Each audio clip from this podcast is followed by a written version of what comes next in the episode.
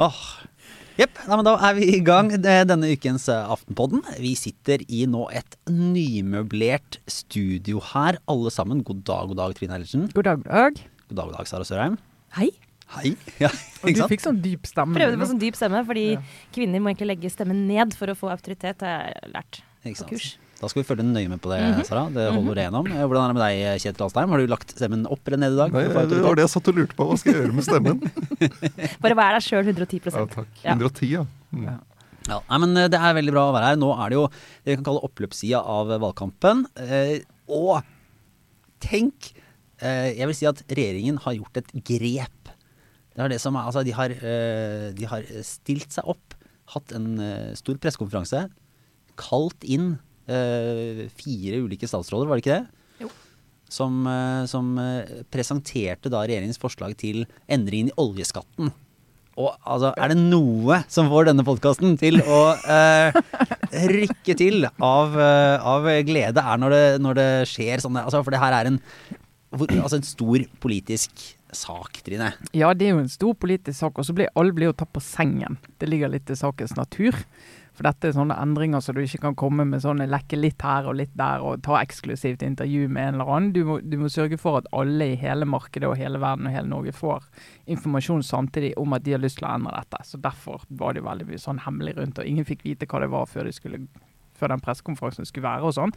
Vi prøvde å spekulere litt ved å se på hvilke statsråder var det, så vi var litt sånn Nei, med de statsrådene, eller sånn klima, samferdselsavgift, skatt, something. Ja. Eh, Skatt, og kanskje fordi det var liksom etter børsslutt, så vi var jo litt inne på tanken om det har noe med Kan det være noe børssensitivt materiale her? ja. Noe i den dur. Men vi lar oss jo lure også, da, for det er jo ingenting som, altså, som vekker interessen mer enn at vi ikke vet hva det er de skal snakke om. Hvis Da blir det, da blir det stinnbråke. Da Ja, det ja, ja. så var det jo forvirrende ved at det var uh, samferdselsminister Knut Arild Hareide som var der fra, fra KrF. Og det hadde jo ingenting med samferdsel å gjøre. Det var jo bare fordi Kjell Ingolf Ropstad, som ellers skulle vært der, var i Bergen eh, i forbindelse med partilederdebatten. Så det var, det var ikke lett å gjette seg Nei, fram det var, til det det var, riktige. det var Nei, det med Hareide ødela for alle, Alle. Uh, mulige Ja. Ellers hadde vi sikkert greid det. Ja. Helt sikkert.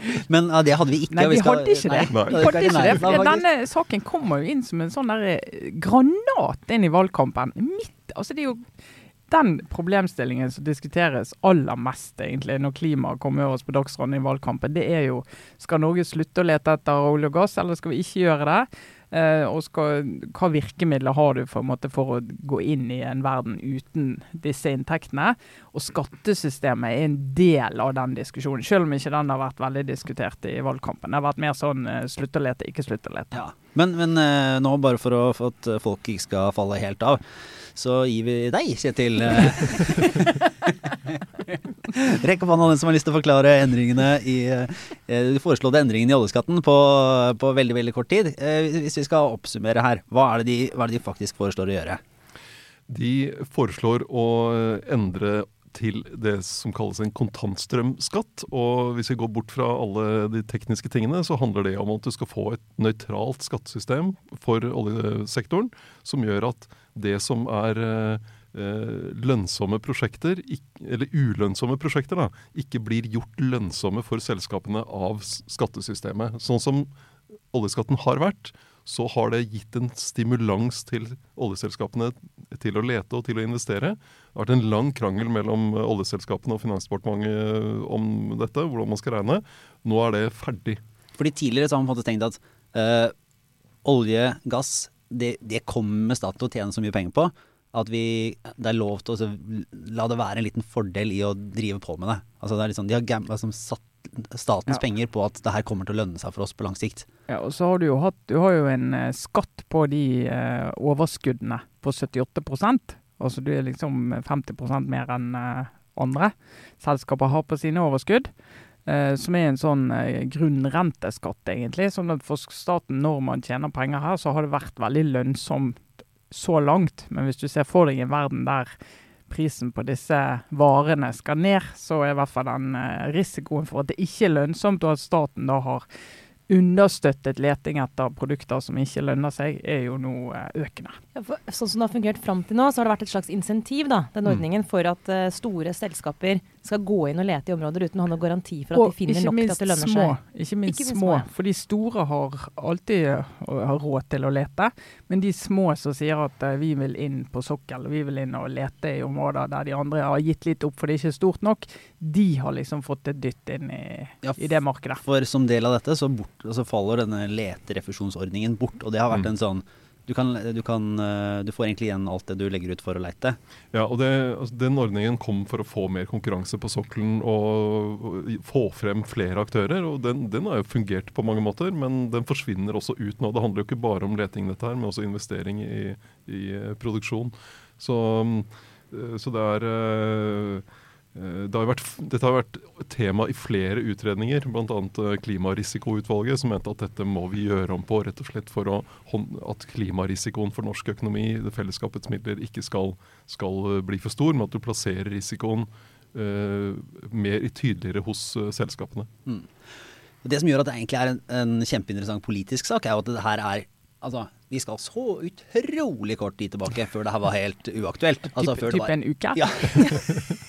jo, men altså, altså det er, det er uh, Ja, og i er hvert fall fra den her regjeringen. Altså fra liksom høyre, en høyreleda regjering. Ja, men, Ja. det, men har det vært skutt ned? Alle disse tankene har vært skutt rett ned. Ja, for jeg tenkte Også da- langt det var votering om dette på landsmøtet til Høyre, og da var jo Tina Bru tydelig på at hun var glad for at det forslaget falt, det at man skulle se på oljeskatteregimet, for det må ligge eh, trygt, og det må være stabile, forutsigbare rammebetingelser for eh, landets største næring. Ja, ikke sant? Og, og Espen Barth Eide i, altså, i Arbeiderpartiet var ute for det Jeg jeg sjekka der nå, han var i, var i starten av 2019 så var han ute i et intervju i Klassekampen, og det her er typisk sånn eh, Klassekampen, kjempegod avis, eh, god på politikk. Ofte et sted der eh, politikere tester ut en som Kan komme med En noe prøveballong. som En prøveballong. Altså, det, en ikke, det handler ikke på forsida i VG, men du kan starte en debatt, eller du kan altså, tenke litt høyere da enn du kanskje gjør i noen av de enda større avisene. Og da var Espen Barth Eide ute og snakka, da var det vel leterefusjonsordningen. Men har liksom støtta opp under at AUF øh, og i Arbeiderpartiet kunne man diskutere øh, Ja, han åpna døra, liksom. Ja, Ja. og da fikk han den døra godt tilbake i, eh, i ansiktet av Jonas Gahr Støre, som var sånn nei, nei, nei, nei, rolig nå. Dette ligger fast, vi skal ha forutsigbare eh, rammebetingelser for oljenæringa. Og Høyre gikk jo Altså Stefan Heggelund gikk jo i fistel og kasta seg på og var sånn derre Her må Jonas Gahr Støre rydde opp, og vi kan ikke ha sånne høyttenkning om, om så viktige ting som, som, eh, som oljebransjens uh, måte, regler. Og, og, og det var helt sånn Dette kan vi ikke gjøre noe med. Og så, plutselig, Ja, to hva har skjedd da? Hvorfor? Altså, hva Men, men det, er jo, det er jo interessant det der med ønske om forutsigbarhet i, i næringslivet. Da, for det, det ligger jo fast. Altså Ønsket om forutsigbarhet ligger fast. Unntatt når reglene endres til fordel. Altså Det er uforutsigbart, men det endres til fordel. Som du jo gjorde i fjor under det der eh, oljeforliket i Stortinget. Når du skulle prøve å finne hvordan skulle vi få økonomien i gang igjen og f sikre arbeidsplasser. Eh, som vi var redd for å miste under pandemien. Og Da ble jo systemet endret. og da, i hvert fall Ifølge Jan Tore Sanner, når han snakker om dette, så sier han at vi så jo at vi med en gang måtte begynne å jobbe med hva vi skulle gjøre etterpå. For det kunne jo ikke være en permanent ordning det de fikk i fjor. Utløste masse aktivitet. Og da begynte de å jobbe med dette, da, så de, de da må ha jobbet med litt over et år. Men er det her eh, Nå var det jo måtte, regjeringen, da? De, de tre partiene som sto sammen og, og presenterte dette. Eh, det lukter jo eh, veldig venstre av det. Eh, og så er det samtidig sånn tydelig at eh, Høyre har vil ta eierskap til den saken når den legges fram av regjeringa. Hva vet vi om hvem som har, har dytta på, eller hvordan det her har kommet til, egentlig, Kjetil? Venstre har vært opptatt av det over lengre tid. Og så dette Og så har det vært en utvikling i Høyre. Og det er litt interessant å se på den rollen Vidar Helgesen har spilt. Han er jo ikke statsråd lenger nå, men han var hadde flere poster, men bl.a. klima- og miljøminister. Det var han som fikk, fikk gjennom at regjeringen skulle sette ned dette klimarisikoutvalget, som har gitt veldig mye av premissene inn for diskusjonen i flere partier om hvordan skal Norge som land, oljeland da, håndtere det at verden skal omstille seg til for å prøve å stanse klimaendringene. Så det, det, utvalget og det Vidar Helgesen fikk det der, har nok hatt større konsekvenser enn mange så for seg. Se her, jeg trekker den opp hatten. Det er lenge siden jeg, Ja, det- lenge siden jeg har hørt om Vidar Ja, det er lenge siden. Og så har det jo skjedd ting i de politiske ungdomspartiene. sant? AUF selvfølgelig, men uh, Unge Høyre òg har det jo skjedd ting uh, som handler om å forberede seg på eh, at oljealderen og gassalderen tar eh, slutt og må ta slutt. Eh, sånn at De hadde jo en diskusjon på landsmøtet i år så det jo var mer temperatur igjen. Det pleide å være, for Før har det vært liksom walkover, den saken, Mm. eh, på Høyre-landsmøter. Så du har liksom sett hvordan det har beveget seg. da. Men det var jo åpenbart at Høyre var litt stolte av dette her. For du, de passa jo på at, eh, at journalistene skulle få med seg denne pressekonferansen. si Det sånn. Det var ikke noe som var gjemt bort. Nei, var, jeg hadde noen noe samtale med en, eh, en i regjeringsapparatet på formiddagen som lurte litt på er du i Bergen på partilederdebatten, eller er du i Oslo? Jeg er i Oslo. Ja, og det passer med å ta en øl i ettermiddag. Så, Og, og så skjønte jeg etterpå, Det ble ikke noe øl, da, men jeg var ute og løp, og så fikk jeg en telefon. Du, du bør komme deg ned på, på en, eh, en brifing med kommentatorer klokka halv seks, og så er det pressekonferanse klokka seks. Og ikke noe om hva som skulle skje. Så Så der var det sånn, noen som var opptatt av at uh, de fikk oppmerksomhet. Kommentariatet skulle være på plass, og, og det var det jo. Eh, innelåst i forkant og fikk vite om hva som skulle, Ja, skulle ja, måtte, komme. måtte legge mobiltelefoner og smartklokker og PC-er og sånn var redd for at du skulle sette i gang og investere i et eller annet som ville bli børspåvirket av det her. Men altså, bare for å ta den, det har jo vært, altså det var jo sikkerhetsregler nettopp for at ikke, for det her var så børssensitivt. Og så er jo litt sånn argumentasjonen for at man ikke har diskutert det tidligere, at det sånn, ja, vi kunne ikke diskutere det, for da, eh, altså, det ville gitt usikkerhet. Men det er jo helt reelt, Men ja. er, ja, er det reelt? Ja, altså akkurat, akkurat det som er børssensitivt, er jo helt reelt, for det er ulovlig eh, å dele informasjonen. Så, som før alle har det. Så det tenker jeg er en sånn helt egen sjanger, for så vidt, da, av type informasjon. Eh, som det er forbudt ved lov å dele. Men Eh, Høyres eller si, landsmøte må jo kunne diskutere får blir dette. hm? Men Høyres landsmøte må jo kunne diskutere dette Ja. her. Men det misbrukes jo litt, den der, ikke misbrukes, men det fins jo altså Denne måten her å gjøre det på, denne gangen så forstår jeg faktisk hvorfor det måtte være akkurat sånn som det ble. Men det er jo ikke bare når det er denne typen saker at SMK opptrer på denne måten. Og vi, som jeg sa i stad, journalister blir jo veldig Vi lar oss jo på en måte ta med på tur når det er som kalt inn til pressekonferanser, eller sånne brifinger, da. Eh, og så er det jo litt sånn dobbelt, fordi sånn som i dette tilfellet, så fikk jo da noen vite en halvtime før de andre hva som skulle skje, for å ha muligheten sikkert til å liksom tenke ut noen kloke tanker, da, som dere driver med. Men samtidig så er det også sånn, for de som ikke kommer inn, så blir det jo veldig mye sånn det blir mange sure journalister som står på døra og skraper og lurer på hvorfor er ikke vi invitert inn. Og så blir spørsmålet sånn, hvis du først inviteres inn, ja, hva betyr det da? Skal du da sitte der og være sånn informert og blir du egentlig spunnet, sant? Så det er veldig mye sånn metagreier rundt sånne svære pressekonferanser som ikke kommer ut i Ja, for offentligheten. det lurte jeg på, altså når, når de da, det er typisk sånn, altså det er jo, for vår del så kan det sies det er en fordel at kommentatorer og de som på en måte skal levere analyser som er mer eh, dyptgående enn en sånn øyeblikksrapportering av det som har kommet, da, har, eh, som i dette tilfellet, en halvtime ekstra til å sette seg inn i saken på. Men eh, blir man, eh, jeg bare lurte på det her, blir man sånn, i hvilken grad blir man brukt av eh, PR-apparatet til eh, da regjeringa for å liksom fortelle da den ene sidens syn på dette her?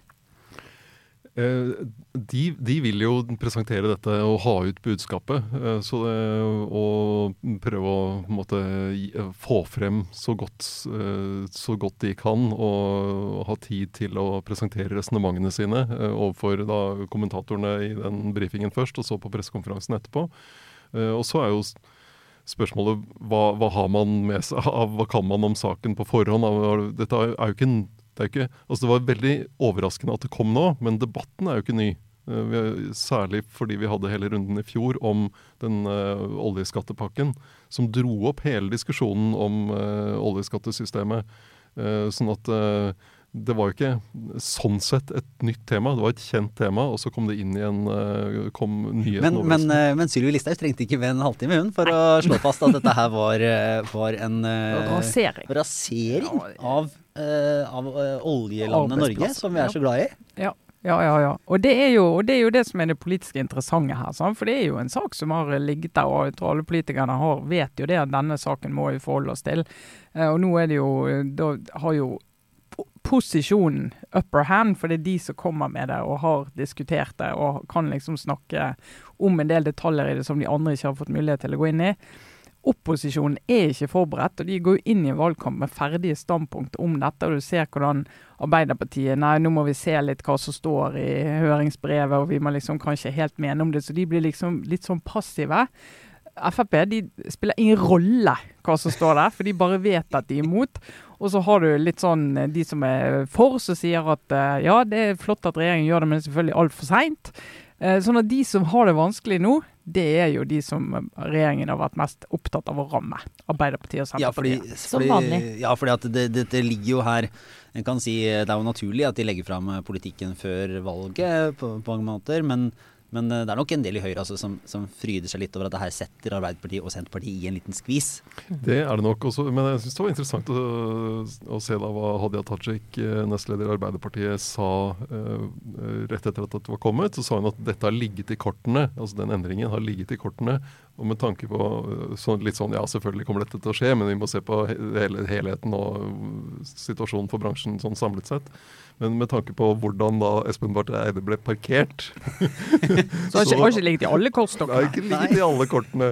Og så var det jo Geir Pollestad, næringspolitisk talsmann i Senterpartiet, som var rasende og kalte det maktspill fra Erna Solberg å legge frem dette rett før valget. Og det er jo også litt rart. Å legge ikke, politikk frem Ja. rett før valget. Burde, bør, bør man ikke fortelle før valget hva man skal gjøre? Men det er litt rart at Eller ikke rart, men, eh, men eh, regjeringen eh, De legger fram noe som de vel da vet at de ikke har flertall for på sin egen side, da, for å si det sånn. Fordi Frp sier jo helt eh, bastant nei. Så hvis det her skal bli politikk i en eh, potensiell ny regjeringsperiode for Erna Solberg, så må de vel da Altså jeg vet ikke om det kan gå nesten sånn teoretisk engang. Ja. Da må de inngå et, et, eh, et slags forlik uten Frp, og så skal de inngå et budsjett, en budsjettavtale med Fremskrittspartiet på ba, altså, mens dette ligger Men det jo, mens det ligger inne, og det har jo Sylvi Listhaug sagt at det går Det ikke. skjer ikke, har hun sagt. Så, uh, så er det, altså, er det bare spill?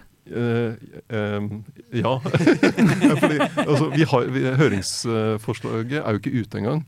Eh, og straks det er ute, så kommer det en hær av høyt gasjerte forretningsadvokater og skattejurister betalt av oljeselskapene for å gå gjennom hver, hvert komma, hvert punkt i det forslaget.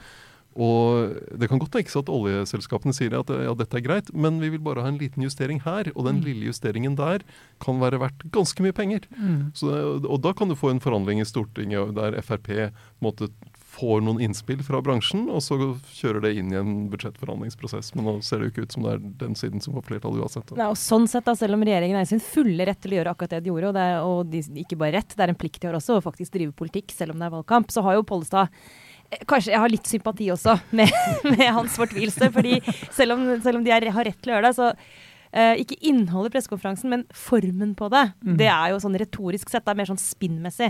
Da må jeg, da, Det er jo et sånn maktgrep. Altså du bare, det er litt sånn Nå kan dere barna gå og leke i sandkassa, vi voksne vi skal vi driver med Vi skal faktisk ting. løse problemer, vi. Sånn Ja. er det å styre landet. Ja, Sånn sånn er det å styre landet. Så det det- er god reklame for det. Det er god reklame for å sitte på innsiden av eh, regjering. Ja, og også en, eh, et, eh, det skal de ha for, et godt forsøk på å komme på offensiven igjen i en litt større klimadiskusjon, som jo ikke egentlig måtte, som i hvert fall ikke Høyre har hatt så veldig godt grep om. eh, sli, altså, nå får de jo markert seg på et område som gir dem en annen troverdighet da, i, i hele den store klimadiskusjonen.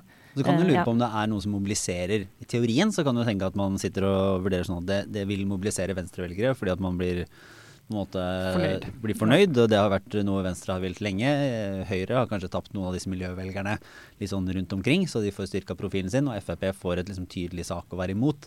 Og sånn sett så kan det jo være bra for borgerlig side. Mm. Men det blir jo ikke noe lettere etter valget. Nei, det blir ikke noe lettere etter valget, men, men jeg har også tenkt det samme. Jeg er ganske sikker på at Frp kommer til å få et lite hopp opp hvis denne diskusjonen liksom lever litt lenger nå, eh, og at de kan vinne på det. Eh, men også at Venstre kan få det. Fordi bare helt avslutningsvis, så har jo eh, på spørsmål så har jeg lagt merke til en liten formulering fra Høyre-politikere som blir sånn Betyr dette mindre leiting etter olje på norsk sokkel? Og så svarer de alltid sånn Ikke nødvendigvis. Ja, det må selskapene vurdere, sier de. Ja, og det er sånn det er, eh, La oss bare eh, dytte det til side. I utgangspunktet så vil all logikk tilsi at dette fører til mindre oljeleting på norsk sokkel. Ja, det, det opplevde jeg at de var eh, Nei, men det opplevde jeg at de var ganske åpne på da de Ja. la det frem. At dette kan, kan bety for de mindre, de små selskapene som ikke tjener penger, så kan dette bety at de leter mindre. Eh, Så, men, men logikken bak, eh, som da Sanner brukte om at norsk økonomi er i en Eller oljesektoren er i en annen fase med hele den klimaomstillingen som skal skje, den var jo like sann i fjor. Men Mm. likevel så vedtok Stortinget en enorm skatte, oljeskattepakke som, som dytter eh, på investeringer, og den kommer til å ha virkning flere år fremover. Så dette er jo ikke noe sånn stort, dramatisk skifte for eh, norsk oljevirksomhet. oljevirksomhet. Nå tror jeg vi går videre til eh, Skal vi se, vi må, skal vi ha en liten, ørliten runde gjennom målingene. For der, altså det, eh, det tegner seg et bilde av en eh, dramatisk innspurt og siste runde. En fersk måling fra Aftenposten og Norstat og NRK, er det det vi skal si? Nei, uten NRK. Uten NRK. Med det er neste bare uke. vår. Ja, nettopp. Ja, det er godt. Egen måling, men Så du NRK kan ikke skryte på seg den her. Nei. Men den viser i hvert fall Du har betalt hele regningen Ja. selv. Ja. men den har jo du Du hadde jo eget seminar i går, du, om den, Kjetil. Ja, på internett. Ja, det håper mange Ja. fikk med seg. Hvis ikke så går det kanskje an å få se den etterpå. Eller kanskje ikke. Det, det er et teknisk spørsmål som jeg ikke kan svare på. Du, nå bare gjenta hovedpunktene, du. Ja. ja, men det var jo det var en veldig spennende måling fordi at det, det nettopp var noe så sjelden som at si, alle partiene over sperregrensa. Altså her er bare hvorfor, hvorfor skal vi prioritere? Er det nå det er lov til å skyte inn et bare litt sånn ydmykt ønske om å bare løfte den sperregrensa bare lite grann?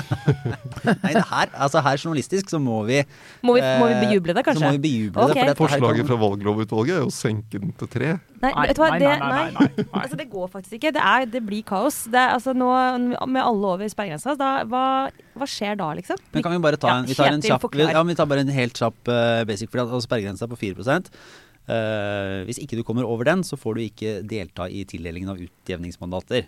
De er det 19 av, Mm. som fordeles da eh, ut fra hele valgoppslutningen til et parti. eh, og fordeles etter et litt sånn intrikat system, så det er greit nok. Men det betyr at eh, vanligvis så vil en gruppe som eh, da er rett under 4% vil være to personer på Stortinget.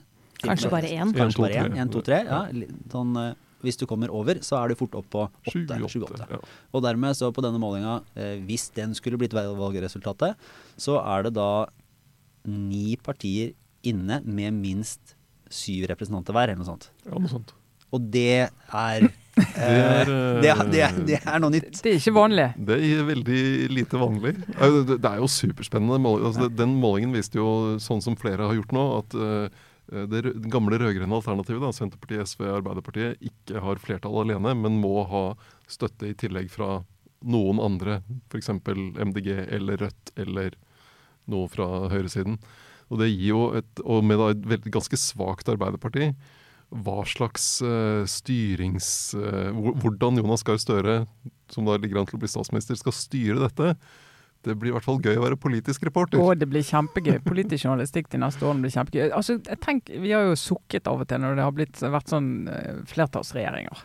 Nå har det ikke vært mye av det de siste årene, men eh, det var nå det i åtte år. Og så hadde vi en liten lite år her hvor vi hadde flertallsregjering. Og det er sånn Det er litt sånn Da skjer det ikke så mye på Stortinget. Sånn ting er ferdig, og når det kommer dit Not this time. Det kommer det jo. Det er jo ingenting som tyder på akkurat nå at det blir flertallsregjering. Så journalistisk er jo det et eventyr. Men også på persongallerimessig. Altså hvem, hvem En ting er nå at det mest sannsynlig er Støre som blir statsminister i hvilken som helst regjering, eh, på hvert fall den på venstresiden. da. Men liksom, hvem er det som kommer til å være, liksom, bli ansett for å være den sterke Uh, i en sånn konstellasjon? Uh, nå har jo Senterpartiet fått seg en liten nesestyver, så kanskje ikke Vedum likevel kommer til å gå inn i det, det med like høy selvtillit. Men, men nå skal jeg ikke forskuttere, det kan godt hende dette går bedre enn det har sett ut som, men lederegenskapene til Jonas Gahr Støre har jo vært satt på prøve, kan man kanskje si, eh, de siste årene.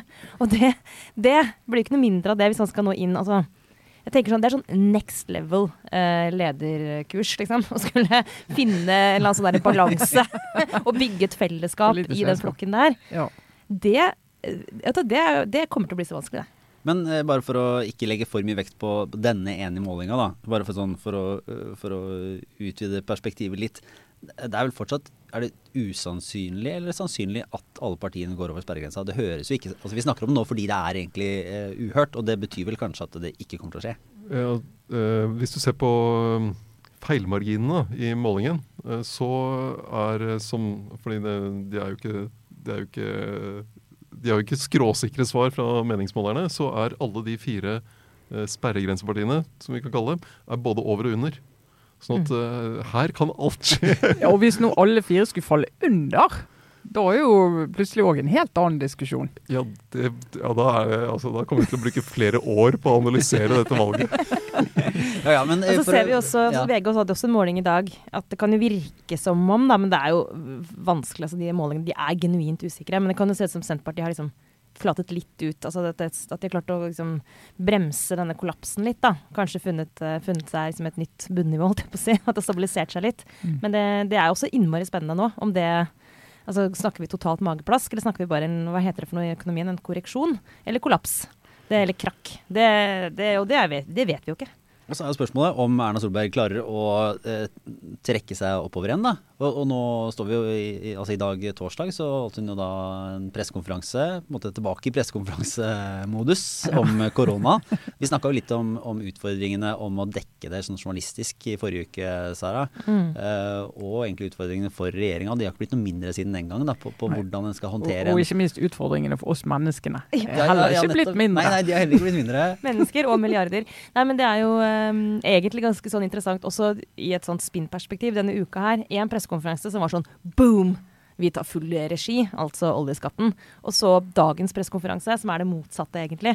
Som er helt forståelig for så vidt. Det er jo en helt, det er jo en helt ko-ko situasjon vi er i nå, med det deltaviruset som bare er sånn gigantisk fuck-off til alle, på en måte. Men, men jeg opplever jo, eller jeg, min tolkning av dagens pressekonferanse er at akkurat nå er Erna Solberg på kanskje det dårligste stedet hun har vært gjennom hele pandemien, når det kommer til å fremstå som at hun på en måte som landsmoderlig tar kontroll, og nå skal dere høre her, og vi har en plan og sånn. For akkurat nå, og i, dag også, så er det egentlig et skikkelig skittig budskap hun har, som er bare vent litt til. I mellomtiden, bare prøv så godt dere kan. Og det er som å stå foran et lekk eh, vannrør sant? og prøve desperat å stoppe liksom, alt som spruter ut med hendene eh, som hun overlater til skolene og kommunene og si hvis dere tror at det er bedre med gult nivå, så ja, bare ta gult nivå. Men hun var litt tydeligere på gult nivå. altså Anbefalte vel nærmest gult nivå for å, som virkemiddel? Men nærmest, fordi, og jeg skjønner hvorfor hun ikke gjør det. Hun sier ikke nå går vi opp til gult nivå. Hun sier at jeg anbefaler dere å vurdere. Det er et, det er et forbehold der ja, men, som gjør at du legger ansvaret på kommunene og skolene. Men det ville jo, ikke vært riktig av henne å si at hele landet skal gå til gult nivå. Nei, nei, men de kunne ha løfta Husk tilbake, så de har tidligere sagt at det, vi deler opp i regioner eller sirkler eller fargekart eller hva det nå de har brukt, og sier at denne regionen skal opp til gult og rødt osv. Som de velger å ikke gjøre nå. Og jeg har veldig forståelse for det. Jeg tror også det er helt jeg riktig. Tror det er helt riktig. Jeg tror ikke det er forståelse hos folk av de der tøffe nasjonale tiltakene nå. Det er bare det at utfordringen sånn politisk for henne, kommunikasjonsmessig, er at jeg tror det er helt riktig at hun ikke tar de grepene. Men det fremstår derfor som hun er fomlete. Og det får ikke stoppa den kritikken som kommer fra eh, bydelsoverleger osv. Eller rektorer på skoler som opplever at de blir sittende aleine og skulle håndtere denne liksom, lopp, eh, løpske smitten. Så akkurat dette tror jeg er dårlig. Akkurat nå er det liksom en dårlig Dette er ikke nå, akkurat nå er det liksom mye misfornøyde folk. Og så tar du et grep da med, med denne i kjølvannet av FHI-anbefalingen om å vaksinere eller tilby vaksine da, eh, til, til, barn mellom 12 og 15, én dose. Eh, som jo er på en måte et sånn også en mulighet da, mm. for å komme nå den der kritikken i møte. Jeg må innrømme at jeg syns hele den situasjonen nå er så vanvittig kaotisk og rar, og kanskje siden jeg ikke har eh, barn i den der skole, skolealderen mm. at jeg, altså jeg skjønner ikke hva som skjer. Jeg bare kobler litt sånn ut hva det Jeg, jeg, har, jeg har, jo heller ikke barn i skolealder lenger, og jeg merker at det er litt sånn eh, Det blir litt sånn Jeg ser at her er det et, et kaos som en del opplever i, en i del, altså sin. halvparten rundt bordet her, kan vi si. ja, men, altså, det rammer veldig mange mennesker. Men, sånn som, men jeg er da i en helt annen situasjon. Sånn som på vårparten, så, kunne, så var sånn, var jo dypt inne i alle detaljer og reguleringer og hva som skal, hvem du kan ha, hvor mange du kan ha rundt bordet på besøk og sånne ting. Men nå er det mer sånn Tja, er det ikke åpent, da? Ja, men, men det, som er, det, som er, problemet nå for, for, oss mennesker, oss mennesker da, og særlig vi som har barn i skolen Nei, altså det, er jo, for det ene budskapet er jo det at, eh, og det sa jo Camilla Stoltenberg senest i dag, det er, og det er budskapet fra alle som eh, helsemyndighetssiden, at dette viruset er ikke farlig for barn. Det er ikke farlig at de får det, og det er veldig få eksempler på at det liksom får langvarige konsekvenser. Og sånn at det, det, Derfor så sier de at selv om det er smitte blant barna, så har vi ikke de tiltakene vi hadde i fjor når de var redd for at vi voksne skulle spre smitte på den måten. Men på den annen side så har du det karantenereglene og alt det kjøret som gjør at hvis du da har litt smitte i en klasse, så rakner jo fullstendig hverdagen i skolen. Mm. Og det gjør det nå. altså Her som vi bor, så er det, jo, det er jo så mye inn og ut av skolen og tester, og folk har ikke tilgang på disse hurtigtestene. Du må få hurtigtest. Enten må du si at vi skal ikke ha smitte, smitte blant ungene. og Da må du teste dem hver dag før de går inn på skolen omtrent. Og si du får ikke komme inn hvis du ikke har en uh, negativ test. Så må du si det fordi at du vil ikke at den smitten skal spre seg. Eller så må du si at uh, vi har uh, grønt nivå. Det kommer til å spre seg, det må vi leve med. Men nå sier vi begge deler. Og Det kommer til å vare minst en uke til. og det er bare så tannpine for de som sitter med det her. For i Danmark nå så har de gått et knepp videre, og det hadde jo vært kommunikasjonsmessig det beste. Som er å si sånn Nå slipper vi opp. Vi har tatt en vurdering. Vi har høy nok vaksinasjonsgrad. Dette viruset er ikke farlig lenger. Eh, det er ikke forholdsmessig å, holde mer ned eh, Holde skoler stengt osv. Men vaksinasjonsgraden i Norge er akkurat ikke høy nok.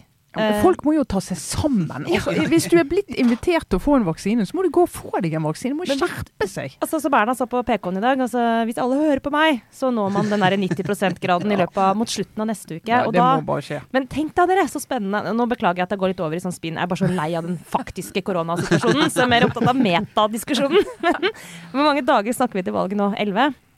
Noe sånt. Uh, og det er sånn nå er det jo veldig mange som forhåndsstemmer, det er ikke sikkert det har så mye å si, men den følelsen av at På valgdagen, liksom. Ja, altså sånn Det er så utrolig nærme at hun kan stå på det skipet og si sånn 'mission accomplished', men det er bare ikke der. Og fram til hun kommer dit, så er det mayhem.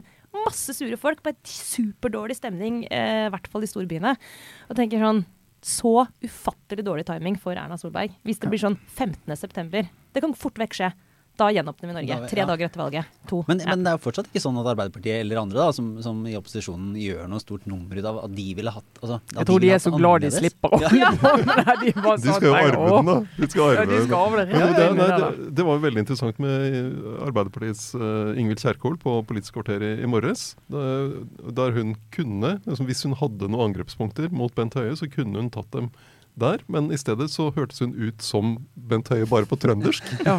Med at uh, Hun sa, brukte en del av de, akkurat de samme formuleringene, mm. nemlig at det er, det er uh, vanskeligere å åpne opp enn det var å lukke ned, og sånne ting. Som, som jo er riktig. Mm. Men uh, det viser jo at de, de, holder, de er forsiktige med å politisere den situasjonen. Men det her blir jo helsemessige spørsmål, da, men jeg syns også det er rart at hvis de mener at det ikke er farlig for disse 12-15-åringene, mm. at de da skal prioritere å vaksinere alle dem, da, eller tilby det.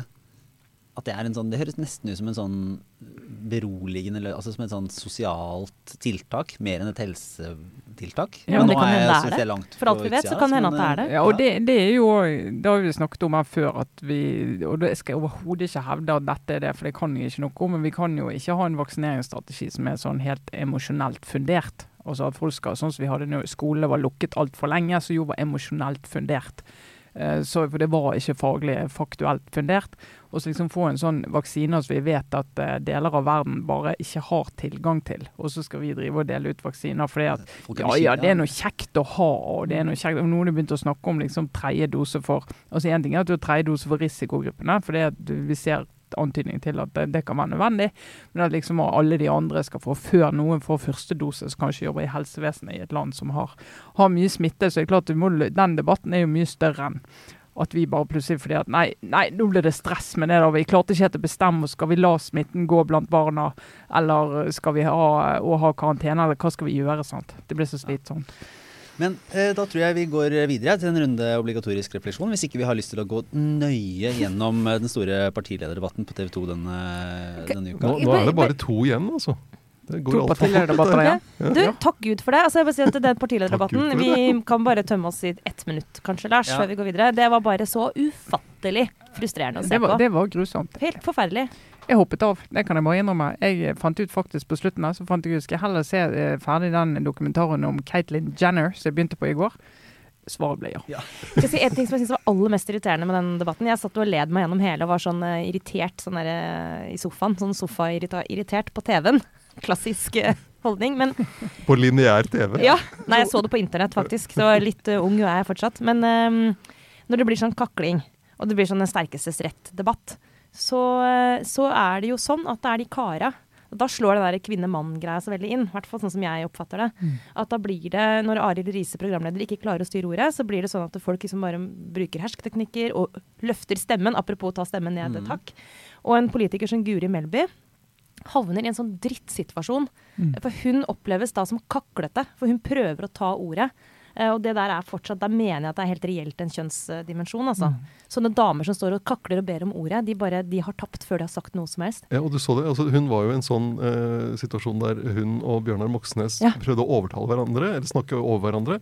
Og Bjørnar Moxnes har ikke fått noe kritikk etterpå for at han var kaklete. Nei. Men Guri Melby fikk dårlige terningkast fordi hun uh, prøvde å rope Ja, seg inn det i er helt debatten. Ja, Typisk, og dette er helt reelt. Du merker at stemmen blir liggende oppe, litt sånn skingrende, og det får uh, seerne helt uh, makk av. sant? Og Det er jo programleder Arild Rises ansvar å sørge for at det blir en viss uh, kontroll på hvordan det programmet er. Alfahannene må holdes i bånd, det vet alle gode programledere. Det- Og alle hundeeiere. Og alle hundeeiere. Ja, så må, du må jo styre på de rette stedene. Hver gang det var tilløp til en interessant diskusjon, så opplevde jeg at den ble Da avbrøt jo programlederen eh, de som snakket. Og hvis de, når det ikke var interessant, så lot han de avbryte hverandre. Og det er jo helt motsatt av det du skal gjøre, faktisk.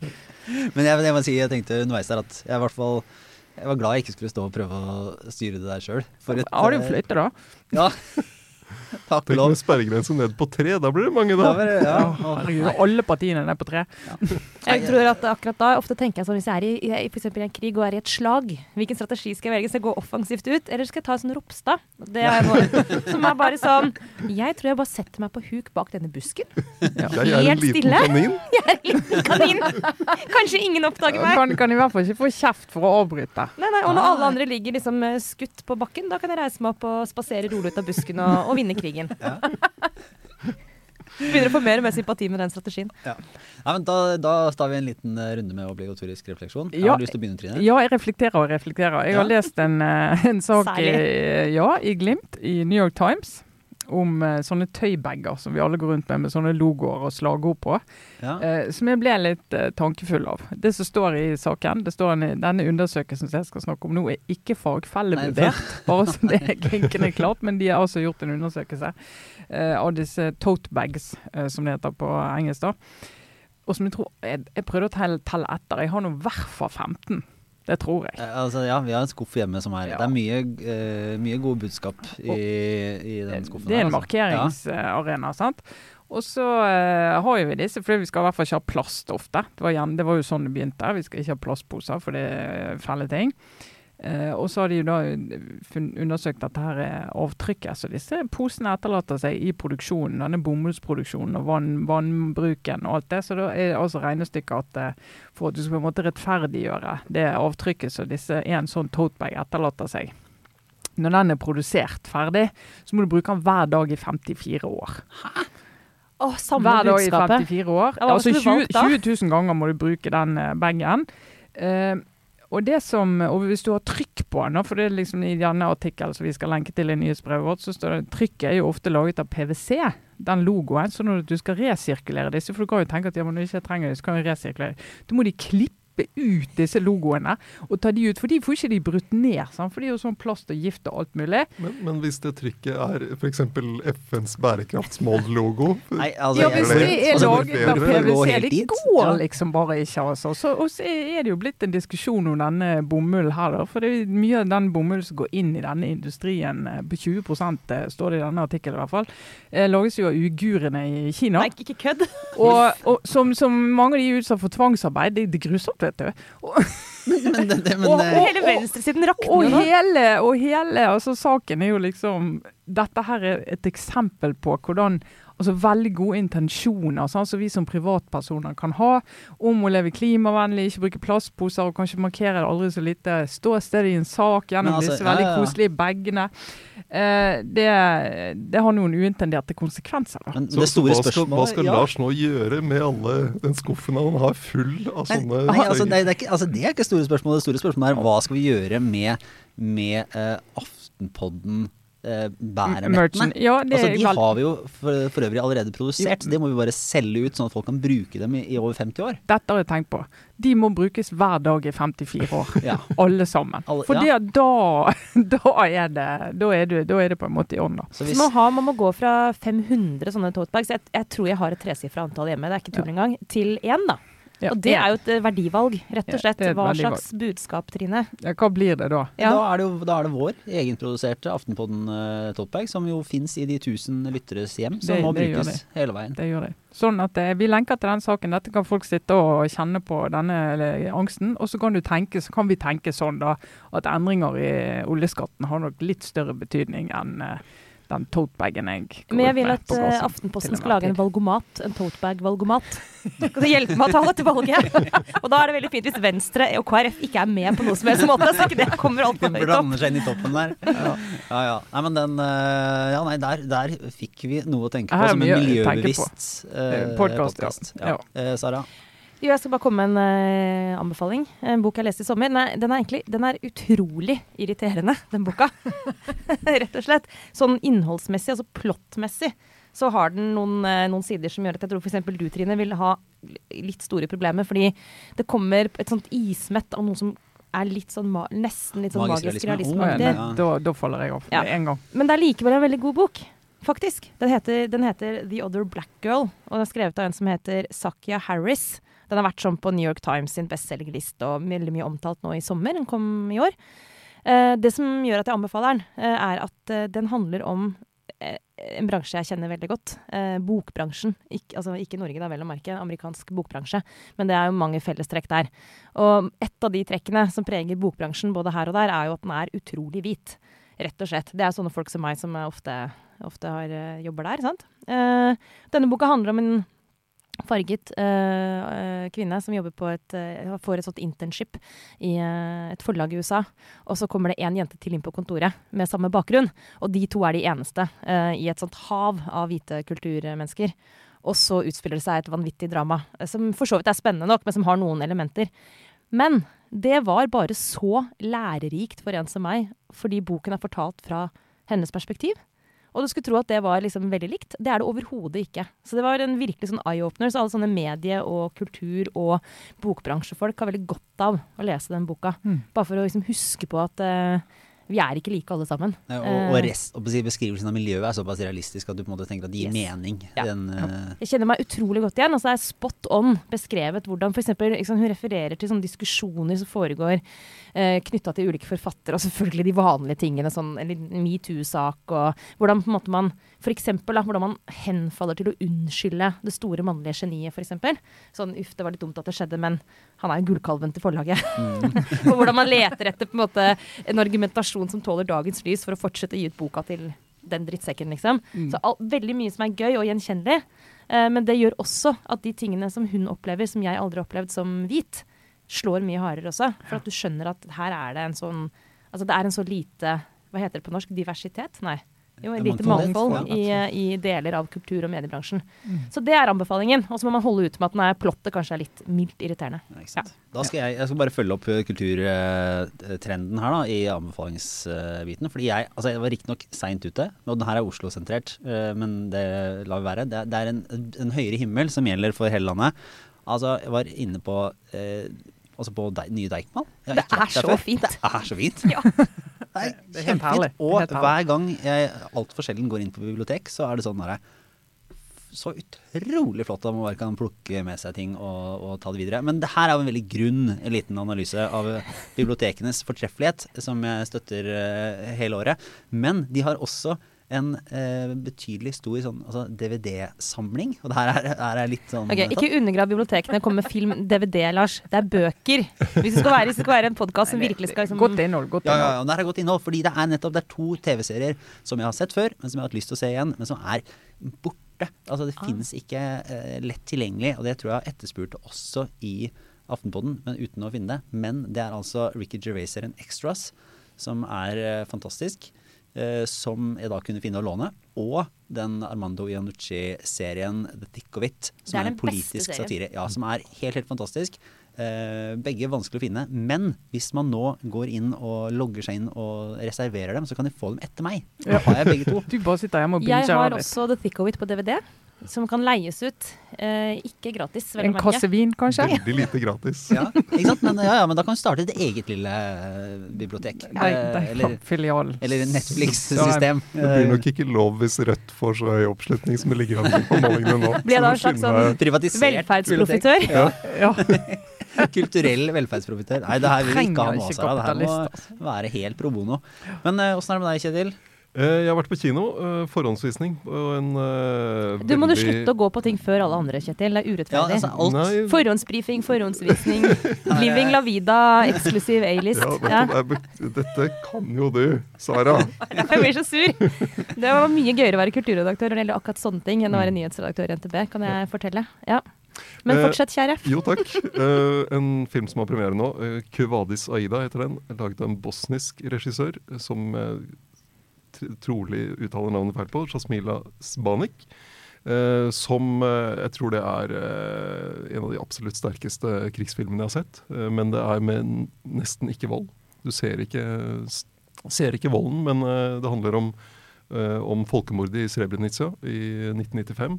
Så det er veldig tett på eh, det som skjedde, og skildrer det fra sivilbefolkningens eh, eh, perspektiv gjennom en, en eh, kvinnelig tolk som da eh, er fra Srebrenica selv, og som jobber for FN-styrken som var der, som skulle beskytte den muslimske befolkningen i Srebrenica, eh, men som ikke klarte det, av mange grunner. I verdenssamfunnet bare sviktet totalt. Og eh, rundt 8000, som man sier, eh, muslimske menn og gutter eh, ble drept i løpet av få dager. Eh, verste folkemord i Europa etter andre verdenskrig. Og den er eh, veldig godt fortalt, veldig, og du vet at det går, går galt. Så det er ingen helter her. Så det er eh, eh, en sterk opplevelse å se den, men eh, jeg tenker det er en viktig film, for det er, det er så nær historie at det er eh, eh, vi, vi har ikke lov til å, å glemme den. Og det er Eh, og da eh, har jeg noen, noe bonusmateriale til ja. den anbefalingen. Det ene er eh, en tegneserie som kom for flere år siden av Joe Sacco, amerikansk Ja. eh, tegneserieforfatter. Fantastisk flink. Safe eh, Area ja. Som var en av de andre byene som da FN definerte som sånn dette er en trygg sone for muslimer, Bosnia-muslimer. Uh, og han reiste inn i 1995 og møtte folk der, og inn og ut av den sonen. Uh, som reporter, rett og slett, og lagde en helt utrolig god tegneserie. Uh, som, som skildrer, skildrer hvordan de hadde det. Eh, og det er en annen film som, er, eh, som kom for noen år siden, som heter A Perfect Day. Som er eh, veldig annerledes enn Kuvadi Saida. Mer sånn svart satire. Perspektivet der er hjelpearbeiderne. Eh, sånn veldig sånn svart humor, men med det mørke bakteppet av det som faktisk skjedde. Og til slutt en podkastserie som jeg kom over fra Leger uten grenser, den internasjonale delen, som har gått inn og sett på hvilken rolle hadde vi i Srebrenica. For de var den eneste organisasjonen som var inne der da dette skjedde. Eh, og de, de diskusjonene de hadde da og etterpå om er vi nå fangevoktere for For da, eh, Srebrenica var jo omringet av eh, bosnisk-serbiske styrker. Eh, og så kom de inn og prøvde å måtte, hjelpe til med, på sykehuset, men ble de da på en måte fengselsleger for Mm. Eh, bosnisk-serbiske styrkene. Det er en veldig interessant eh, diskusjon, og også veldig god om å fortelle om hva som skjedde i bakgrunnen her. Høres ut som en litt tung kveld, den uh, totalen her. Kanskje fordele utover noen Jeg vil dager. fordele det men, litt utover, men jeg tenker man kan velge litt her. Da, men det, det, er, det, er, det er så nær historie. Jeg, bare, Ja, jeg husker ja. ja. Tidlig 90-tall så var jeg en tur til Italia og var på sånn, østsiden av Italia. Så så over vannet. Du ser jo ikke det, men bare tenker, på andre siden av det vannet er det krig i Mm. Europa. Og mange av de som utkjempet den krigen, er på min alder. Jeg husker veldig godt, eh, ikke for å dra en lang historie, men at jeg var i, i New York og møtte noen jevnaldrende som gikk på Fulbright-stipend. Eh, eller hadde fått sånt stipend og studerte der. Og mange av de som eh, de gikk sammen med Dette var jo ikke mange år etter at krigen var over. Det var jo da eh, folk akkurat like gamle som meg, som nå fikk muligheten å bli sendt eh, til universiteter og fikk stip internasjonale stipender for å, for å utdanne seg, fordi de hadde brukt veldig mye av sin ungdomstid på å være soldater i krig. Å sitte sånn og drikke en øl på en kul, eh, hipp bar, eh, snakke med en, en person på min egen alder og spørre sånn Ja, hva har du drevet med, liksom? Og så skjønner du bare sånn ved, med en gru at det er en, en europeer som har hatt en tilsynelatende lik oppvekst, men overhodet ikke, for han har liksom brukt flere år, uh, flere år av livet sitt i krig. Og det tror jeg, Kjetil, er litt for glemt uh, blant mange av oss. At det skjedde Og så er det vår lett å, å tenke at folkemord det var noe som skjedde for eh, snart 100 år siden. Uh, Eller veldig langt unna. Ja, veldig langt unna. Og det tenker jeg alle, alle folkemord, hvis du går inn i de, og jeg har jo også veltet meg litt i den type historier den siste, siste tiden, det er hvis du ser oppkjøringen til folkemord. Det er jo alltid noe som skjer i et samfunn før du kommer i en situasjon der det kan skje. Eh, Og der er, det, altså, der er det ting fra debatter, fra argumenter, fra liksom måter å se verden på som ikke altså som finnes og som dukker opp stadig vekk. Altså i mye mildere versjoner, ikke voldelig versjon. Du kan hente elementer fra en del av de oppkjøringene som eh, du i hvert fall ikke skal eh, ta lett på. Det var en, jeg det var, Det var oppbyggende, det var oppbyggende var, var, var en oppbyggende avslutning. Men vi kommer ikke unna. Vi må ha litt sånn sivilisasjonens undergang, folkemord og annet uh, grusomt eh, innom det hver Ja, uke. ja, ja. Det er samfunnsansvar, det, Lars. Det går opp og ned. Man kan glede seg over uh, spennende politiske grep og ha et større perspektiv. Det er veldig godt. Vi er tilbake neste uke. Da nærmer det seg for alvor. Vi får se om det kanskje blir litt ekstra podkaster også sånn inn mot og gjennom valg, siste liksom innspurten av valget. Det må vi jo nesten kunne få til, for det skjer så veldig veldig mye spennende. Ja. Så eh, tusen takk for følget i dag. Vi er tilbake neste uke. Det var Aftenbåten. Ha det bra.